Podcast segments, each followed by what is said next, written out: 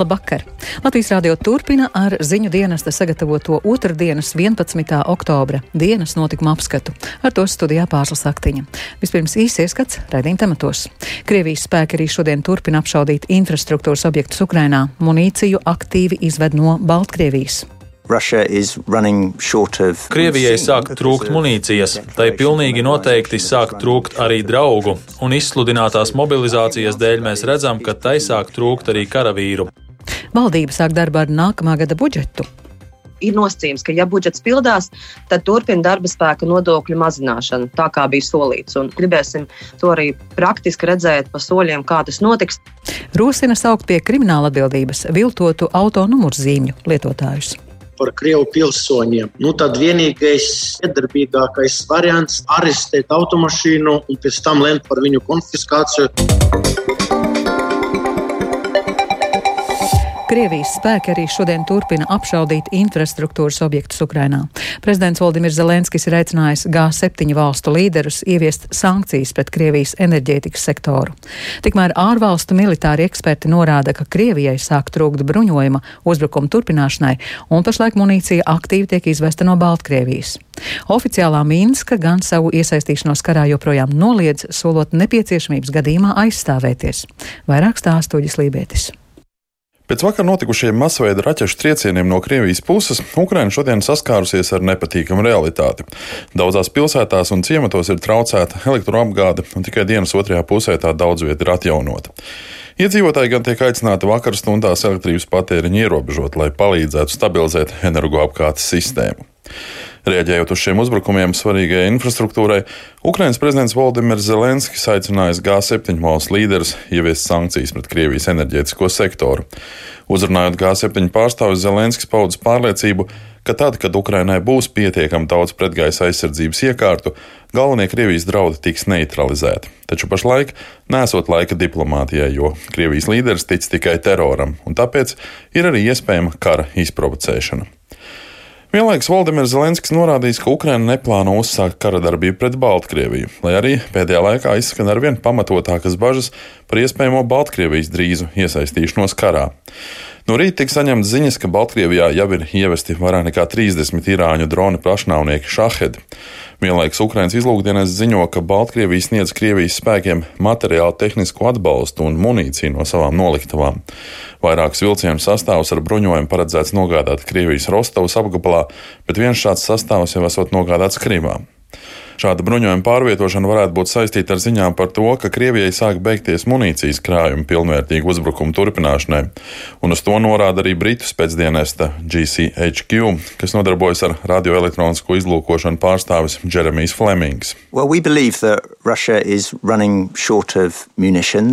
It's certainly running short of Mēs uzskatām, ka Krievijai sāk trūkt munīcijas, tai pilnīgi noteikti sāk trūkt arī draugu, un izsludinātās mobilizācijas dēļ mēs redzam, ka tai sāk trūkt arī karavīru. Tāpēc, manuprāt, atbilde ir diezgan skaidra. Krievija un tās komandieri ir satraukušies par viņu militārās mašinērijas stāvokli. Es šo situāciju sauktu par izmisumu, un mēs šādu izmisumu redzam dažādos līmeņos, gan Krievijas sabiedrībā, gan pašā Krievijas militārajā mašinērijā mašinērijā. Šajās dienās Baltkrievijā ir izsludināts pārbaudas bruņotajos spēkos, un, kā norāda izdevums Belarusskī Gajun, Eļskas pilsētā aptuveni 20 km attālumā no Ukrainas robežas, tuvāko dienu laikā ieradīsies militārās tehnikas kolonna. It kā arī šo tehniku paredzēts izmantot mācībās. Par spīti šiem novērojumiem Baltkrievijas vadība apgalvo, ka karot tā negrasās, un notiekošais ir tikai sagatavošanās aizsardzībai no iespējamām kaimiņu valstu provokācijām.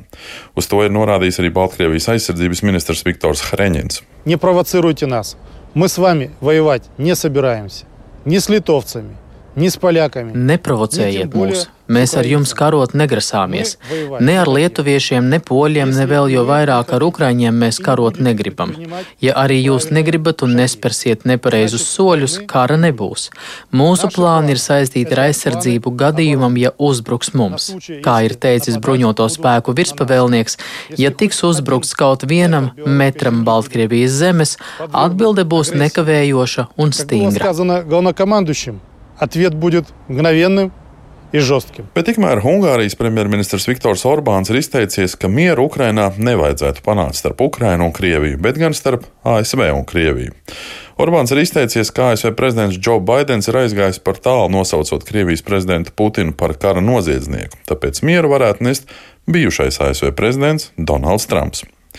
Vienlaikus Ungārijas premjerministrs norādījis, ka viņa valsts dara visu, lai panāktu mieru, taču Ukraiņiem palīdzēt tā negrasās, jo tajā pat laikā iet bojā simtiem Ukrainā dzīvojošo Ungāru. Uģis Lībijams, Latvijas Radio. Globālo ekonomiku sagaida ļoti grūti laiki, jo turpinās Krievijas uzsāktais karš Ukrainā, pieaug dzīves dārdzība un palēninās Ķīnas ekonomiskā izaugsme, paziņoja Startautiskais valūtas fonds. Finanšu institūcija šodien publicēja savu jaunāko prognozi par globālās ekonomikas izaugsmi šim un nākamajam gadam. Startautiskā valūtas fonda vadošais ekonomists Piers Olivier Gurinšs sacīja, ka sliktākais vēl ir priekšā. Our global growth forecast for this year is unchanged at 3.2%. Mūsu globālās ekonomikas izaugsmes prognozes šim gadam ir nemainīga - 3,2%. Savukārt mūsu prognoze 2023. gadam ir samazināta uz 2,7%. Tas ir par 0,2% punktiem mazāk nekā jūlijā publicētajā prognozē. Izaugsmes palielināšanās 2023. gadā būs visaptveroša, jo valstīs, kuras veido trešo daļu no globālās ekonomikas, tautsēmniecības izaugsmes saruks šajā vai nākamajā gadā. Trīs lielākās ekonomikas - ASV, Ķīna un Eiropas Savienība - turpinās stagnēt. Īsāk sakot, ļaunākais vēl ir priekšā, un daudziem cilvēkiem 2023. gadā būs sajūta, ka ir recesija. Tā Startautiskā valūtas fonda vadošais ekonomists Piers Olivier Gurinašs. Valdība šīs dienas sēdē slēgtām durvīm izvērtēja nākamā gada un nākamo trīs gadu valsts budžeta projektus. Šie dokumenti top ņemot vērā Covid pandēmijas un Krievijas izvērstās agresijas Ukrainā nestās sekas, taču tos izstrādās un pieņems jau nākamā valdība un saima. Vairāk Jāņa Kīņš sagatavotajā ierakstā. Finanšu ministrija valsts pamatbudžeta bāzes izdevumus 2023. gadam lēš ap 9,8 miljardiem eiro. Tas ir par 1 miljardu eiro vairāk nekā šajā gadā, kas saistāms ar inflācijas būtisko ietekmi. Savukārt aiznākamajā gadā izdevumi lēsti par apmēram pusmiljardu eiro lielāki nekā šogad. Šā gada un nākamā gada budžetā ap miljardu eiro paredzēts izmantot energoresursu krīzes atbalsta mehānismiem. Tāpat turpmākajos trīs gados pakāpeniski paredzēts palielināt aizsardzības nozars valsts izdevumus līdz 2,5% no iekšzemes koprodukta. Nākamgad augsts pedagoģu atalgojums, tāpat speciālajā budžetā vairāk paredzēts pensijām un pabalstiem, stāsta finanšu ministra padomnieks budžeta jautājumos Ints Dalders no jaunās vienotības. Lai arī mēs redzam, ka visā Eiropā un ne tikai draud recesija, nu tad mēs tomēr redzam, ka vismaz pēc šī brīža prognozēm, pēc kurām mēs vadamies, pieņemot šo bāzes budžeta, prognozi mēs redzam, ka vēl nākamajā gadā arī izaugsme turpināsies, kaut tā ļoti neliela, bet līdz ar to arī līdzekļiem budžetā vajadzētu būt. Tuvāko mēnešu kontekstā būtiskākā pozīcija ir atbalsta energoresursu izmaksu kāpumu mazināšanai. Tas arī uzņēmumiem ļaus no šīs krīzes iziet nevis pārgrušiem, bet stiprākiem, uzskata Latvijas darba devēja konfederācijas ģenerāldirektora Līga Meņģelsone. Vienlaikus viņa piebilda, ka ņemot vērā budžeta pildīšanās prognozes, ir būtiski domāt par nodokļu mazināšanu turpmākajos turpmākajos gados ir nosacījums, ka, ja budžets pildās, tad turpina darba spēka nodokļu mazināšanu, tā kā bija solīts. Un gribēsim, protams, to arī praktiski redzēt pa soļiem, kā tas notiks. Jo ir skaidrs, ka, protams, ka mēs, tas būs goda un kantas rīvē, ka mēs ar lielāku iedzīvotāju skaitu kā Igaunijā, tomēr mūsu budžets ir mazāks nekā Igaunijas valsts gobudžets, kas daudz ko liecina par, par ekonomikas spēku, veselību un spēju ģenerēt vairāk uh, ienākumus valsts budžetā nekā Latvijas gadījumā, kaut mēs esam būtiski vairāk uh, iedzīvotāju skaita ziņā. Nākamā gada budžeta un trīs gada budžeta plānus sagatavos jau nākamā valdība, un darbu ar šiem dokumentiem turpinās nākamā saima jau būtiski atšķirīgā sastāvā. Mendelsons vērtējumā būtu labi, ja izmaiņas skartu arī pieeju budžeta sagatavošanā. Dažreiz tomēr man gribās, ka mēs sēžamies pie baltas lapas un vēlreiz uzstādām tās prioritātes un ņemam vērā to kontekstu, kāds ir šobrīd mūsu reģionā. Tāpēc es teiktu, ka ir jābūt gan aprēķiniem, gan tajā pašā laikā daudz lielākām ambīcijām un ieklausīšanās nozaru potenciālā, vai viņi spēs ģenerēt vairāk vai nespēs. Aprēķini liecina, ka šogad arī budžeta ieņēmumi pārsniedz prognozes, taču būs jāsaglabā piesardzība ar papildus izdevumiem, lai budžets noturētu rāmjos, atzīst Finanšu ministrijā. Tas attiecas arī uz starptautiskos finanšu tirgos aizņemto naudu, kuras apkalpošana izmaksās vairāk. Vienlaikus turpmāko trīs gadu periodā valsts budžetā galvenās prioritātes raugošu finansējuma apjomu nemainīsies. Tās ir iekšējā un ārējā drošība, sociālā joma, tā skaitā pensiju un pabalstu pieaugums, kā arī izglītības nozare, ieskaitot lielāku finansējumu mācību spēku atalgojumam. Jānis Kincis, Latvijas radio.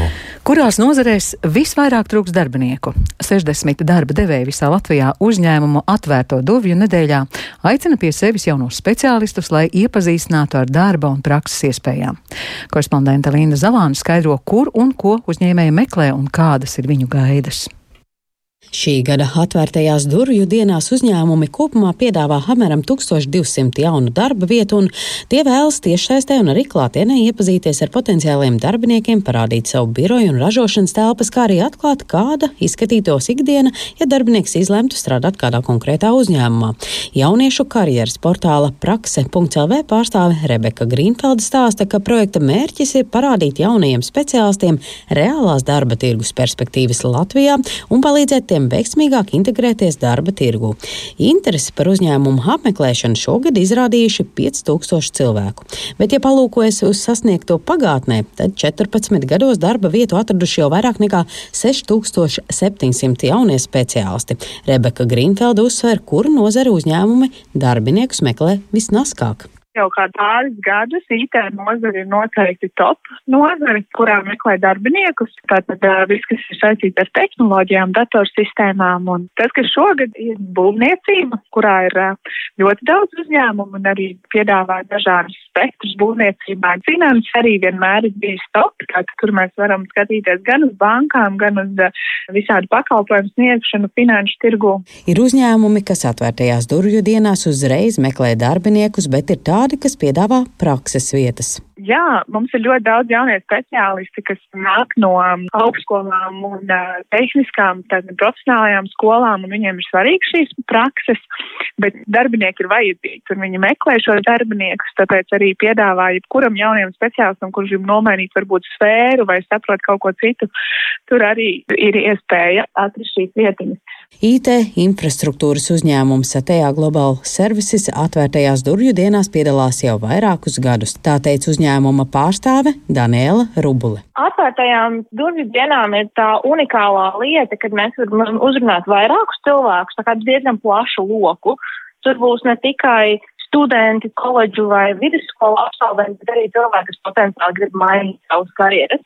Protams, vairāk gan specializējamies tieši uz studentiem, jo redzam arī, un tā ir industrijas tāda tendence, ka diemžēl IT studentu skaits krītās katru gadu, un tad ir jau forši, ka varam arī jau tādā ātrākā vecumā cilvēks uzzināt uh, vidusskolās un arī koledžās un parunāt vispār par to, kāpēc izglītība šajā jomā ir uh, svarīga. Arī Citadela banka ir regulārs atvērto durvju dienu dalībnieks, jo saprot, ka darba tirgus nākotnē ir jaunie darbinieki un jaunieši, un šādi vēlas veicināt, lai tiem būtu iespēja sākt pirmo darba pieredzi tieši bankā, teica Citadelas pārstāve Evita Karlsone no katra pasākuma saņemam nezinu, līdz desmit vairāk pieteikumus, tad, tad izrādīt to interesi uz praksi vai pat uz darba pieredzi pirmo, no kuriem arī līdz trījiem mēdz arī kļūt par mūsu patstāvīgiem darbiniekiem, kas ir pietiekami tiešām labs rādījums. Kopumā šobrīd darba tirgus noteikti nav bagātīgs ar darbiniekiem. Latvijas tirgus kopumā ir diezgan mazs un tiešām daudz cilvēku jaunieši dodas prom uz ārzemēm kas arī ietekmē uzņēmumu. Karsone uzsver, ka ir svarīgi jauniešiem jau skolas solā pastāstīt, ka Latvijā ir uzņēmumi, kas ir gatavi sniegt prakses vietas, kurās neprasa uzreiz konkrētā amata iemaņas un pieredzi. Linda Zalāne, Latvijas radio. Pie krimināla atbildības sauc automašīnu numurzīmju viltotājus, taču ne šo numuru lietotājus autovadītājus.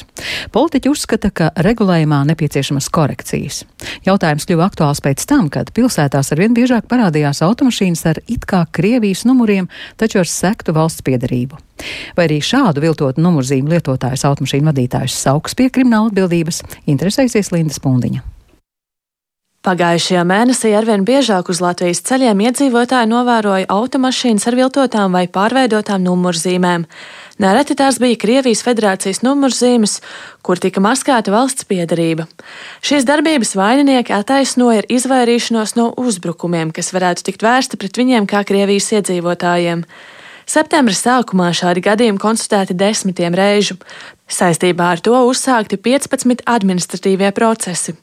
Policija norāda, ka šobrīd problemātika ir mazinājusies. Turpina valsts policijas galvenās krimināla policijas pārvaldes krimināla izlūkošanas vadības pārvaldes otrās nodaļas galvenā inspektore Antra Stradiņa. Par viltotajām Krievijas valsts numurzīmēm Rīgā šobrīd ir uzsākti trīs šādi krimināli procesi. Visos gadījumos numurzīmes tiek izņemtas un tiek veikta attiecīga ekspertīze. Autotransports ir izņemts vienā gadījumā, kad nav bijis iespējams noskaidrot viņu īstu piedarību. Pārējās divos gadījumos transporta līdzekļi ir atdot atpakaļ īpašniekam. Šobrīd, jā, ir situācija tāda, kad par braukšanu ar šādām izmainītām numuru zīmēm ir tikai paredzēta administratīvā atbildība. Kļūda ir tajā, ka saukt pie krimināla atbildības var tikai numurzīmju viltotājus, bet ne auto vadītājus, kas izmanto viltotas numurzīmes. Uz to norāda Saimnes krimināltiesību politikas apakškomisijas vadītājs Andrēs Judins no jaunās vienotības. Viņi ieskatos šādas darbības vajadzētu kriminalizēt. Ja kāds vilto dokumentu, mēs saprotam, tas ir nopietni. Ja, tad eh, tā ir savā būtībā dokuments, ar kuru mēs varam identificēt transporta līdzekli. Un ja kāds veic šādas darbības, būtībā piesavinoties valsts funkciju, ja, tad eh, valsts var tieši tad rīkoties tikai šādā veidā. Manuprāt, tas ir pietiekami kaitīgi. Krimināla atbildības piemērošanas iespējas skaidro ģenerālprokurors Juris Stukāns. Ja mēs uzsāksim kriminālu procesu, nu, ja mēs runājam par Krievu pilsoņiem, nu, tad vienīgais e, iedarbīgākais variants ir arestēt automašīnu un pēc tam lemt par viņu konfiskāciju. Jo, lai Krievijas pilsoņi sauktu pie atbildības, droši vien tas nebūs iespējams. Jo šobrīd viņam administratīvu atbildību var uzreiz attiecīgi noformēt. Tomēr ar numurzīmju duplikātiem aizraujas ne tikai Krievijas pilsoņi, teica valsts policijas galvenās kārtības policijas pārvaldes satiksmes drošības pārvaldes priekšnieks Juris Jančevskis. Arī iepriekš no mūsu pilsoņiem arī bija šādi līdzīgi gadījumi, kad tika izmainīti vai viltoti. Nu, proti, gadījumos, kad cilvēkam ir šī individuālā reģistrācijas numurzīme vai arī izvēles numurzīme, un lai cilvēks viņu nenozaudētu vai viņu, nenozaudētu, tad viņš vienkārši uztaisīja duplikātu un brauca ar šo duplikātu. Orģinālās numurzīmes parasti atradās vai automašīnas bagažniekā vai mājās. Politiķi plāno rosināt noteikti krimināla atbildību arī par viltotu numurzīmu lietošanu. Linda Spundiņa, Latvijas radio. Divi Lietuvā un Latvijā reģistrēti uzņēmumi pieteikušies nojaukt divus padomju pieminekļus Daugavpilī.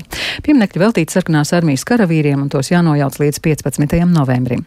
Šodien noslēdzas Daugavpils domas izsludinātais iepirkuma konkurss par šo objektu demontāžu. Daugavpils doma pieminekļu nojaukšanai vāc arī ziedojumus. Stāsta Daugavpils domas izpildu direktors pienākumu izpildītāja Tatjana Dubina tiek vērtēti piedāvājumi. Te mums ir divi pretendenti. Vienam cipras būs ap 57 tūkstošiem, nu mazliet vairāk ar PVN. Otram pretendentam divam daļam 98 tūkstoši te arī ar PVN. Uz dotu brīdi ziedojumi ir savākti mazliet vairāk par 600, te vai nu 671 kaut kur eiro. Faktiski mēs strādājam atbilstoši rīcības plānam. Pēc tam, kad mēs redzēsim, kādus lēmumus jāmeklē, jā, tad gatavosim, protams, lēmumus domas sēdē. Jā. Un jāpiebilst, ka Daugavpils pašvaldība atkārtot ir iesniegusi pieteikumu satversmes tiesā, vai likums par padomu pieminekļu demontāžu atbilst satversmei. Noskaidrots cilvēks, kurš ilgāku laiku automašīnā vajāja pa ce meža ceļu lāci un ar nofilmēto video pēc tam dalījās saziņas platformā WhatsApp.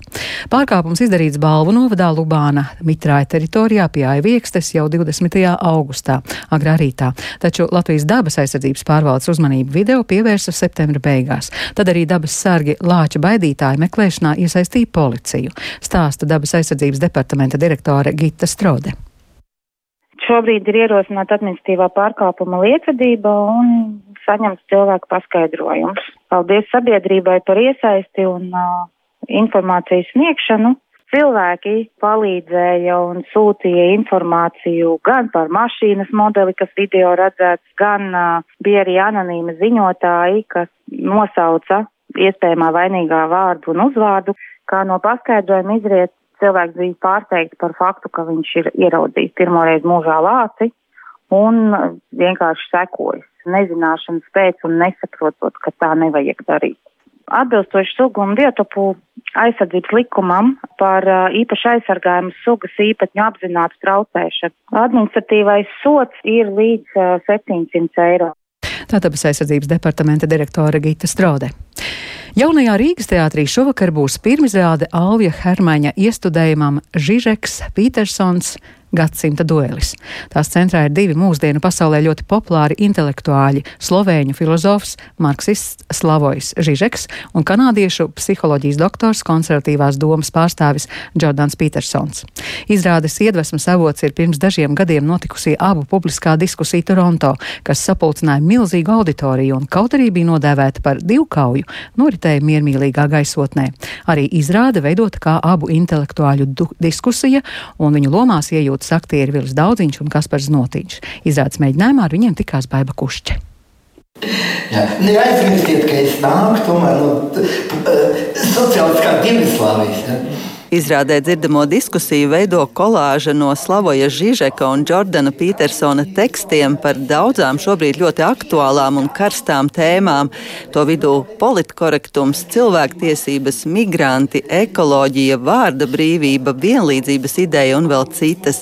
Aktieri abu akadēmiķu tēlos iemiesojas gan ar īpaši izveidotu vizuālu līdzību, gan atveidojot arī viņu katra specifisko runas manieri. Izrādi ir mēģinājums palūkoties uz pasauli pasauli no divu dažādu domātāju viedokļa, vai, kā saka aktieris Vilis Daudziņš, atvērties paradoksiem, jo viņa atveidotais Žižeks ir izcils paradoksu meistars. Viņam patīk lekties, viņam patīk uzspridzināt kaut kādu rāmu dīķi un rāmu vidi. Viņš ir revolucionārs, kā pienāks kreisajai, vai ne? Un līdz ar to no šīs uzirdināšanas, no šīs sprādziena, nu, tā šļakats, kas šķīst uz visām pusēm, tās ir ļoti interesantas. Viņš ir paradoks meistars. Konservatīvās domas pārstāvim, psiholoģijas doktoram Jordanam Petersonam ir miljoniem sekotāju un skatījumu sociālajos tīklos. Viņa lekcijas klātienē pulcina pilnas zāles un arēnas, un savās izpausmēs viņš ir pilnīgi pretējs nepieradinātajam Žižekam, ieturēts, nosvērts un solīts. Petersona lomas atveidotājs izrādē Kaspars Notiņš viņā milzu popularitāti skaidro ar spēju iznākt uz skatuves tieši īstajā brīdī, kad intelektuāļu vidē akūti pietrūka labēji konservatīvās balss. Jo intelektuāļi visi kā likums ir centriski un kreisi orientēti ļaudis, liberāļi. Viņš ar savu izturēšanos, ar savu mierīgo secīgo, loģisko runu izraisīja tieši humanitāro zinātņu studentu interesi. Lai arī Petersons un Žižeks aizstāv pretējas ideoloģijas, kā viens tā otrs mēģina atbildēt uz jautājumu, kas nodarbina mūs visus, proti, kas ir dzīves jēga un laime, un kā uzskata aktieri, atbildi iespējams ir kaut kur pa vidu. Kā jau paradoksa cienītājs Slavojs Žižeks pats sevi dēvējot par pareizticīgu marksistu un kristiešu ateistu, stāsta Vilis Daudziņš, bet Jordanu Petersonu, kas par znotiņš izjūt vairāk kā vecās derības cilvēku, kas arī sakņojas viņa uzskatos un vēstījumos. Baiba Kušķa, Latvijas radio. Un ar to izskan dienas notikuma apskats. Producents Viktors Pupiks ierakstus montēja Kaspars Groskops par labskaņu rūpējās Iveta Zvejniece, ar jums runāja Pārsla Saktiņa. Vēl īsi par svarīgāko. Krievijas spēki arī šodien turpina apšaudīt infrastruktūras objektus Ukrainā. Krievijai sāk trūkt bruņojumu un pašlaik munīciju aktīvi izved no Baltkrievijas. Oficiālā Minska gan savu iesaistīšanos karā joprojām noliedz, solot nepieciešamības gadījumā aizstāvēties. Valdība sāk darbu ar nākamā gada budžetu un rosina saukt pie krimināla atbildības viltotu auto auto numurzīmju lietotājus. Latvijas radio ziņām sekojiet arī Latvijas Rādio 1 Facebook lapā un LSMLV. Klausieties mūs arī Latvijas radio mobilajā lietotnē. Yeah.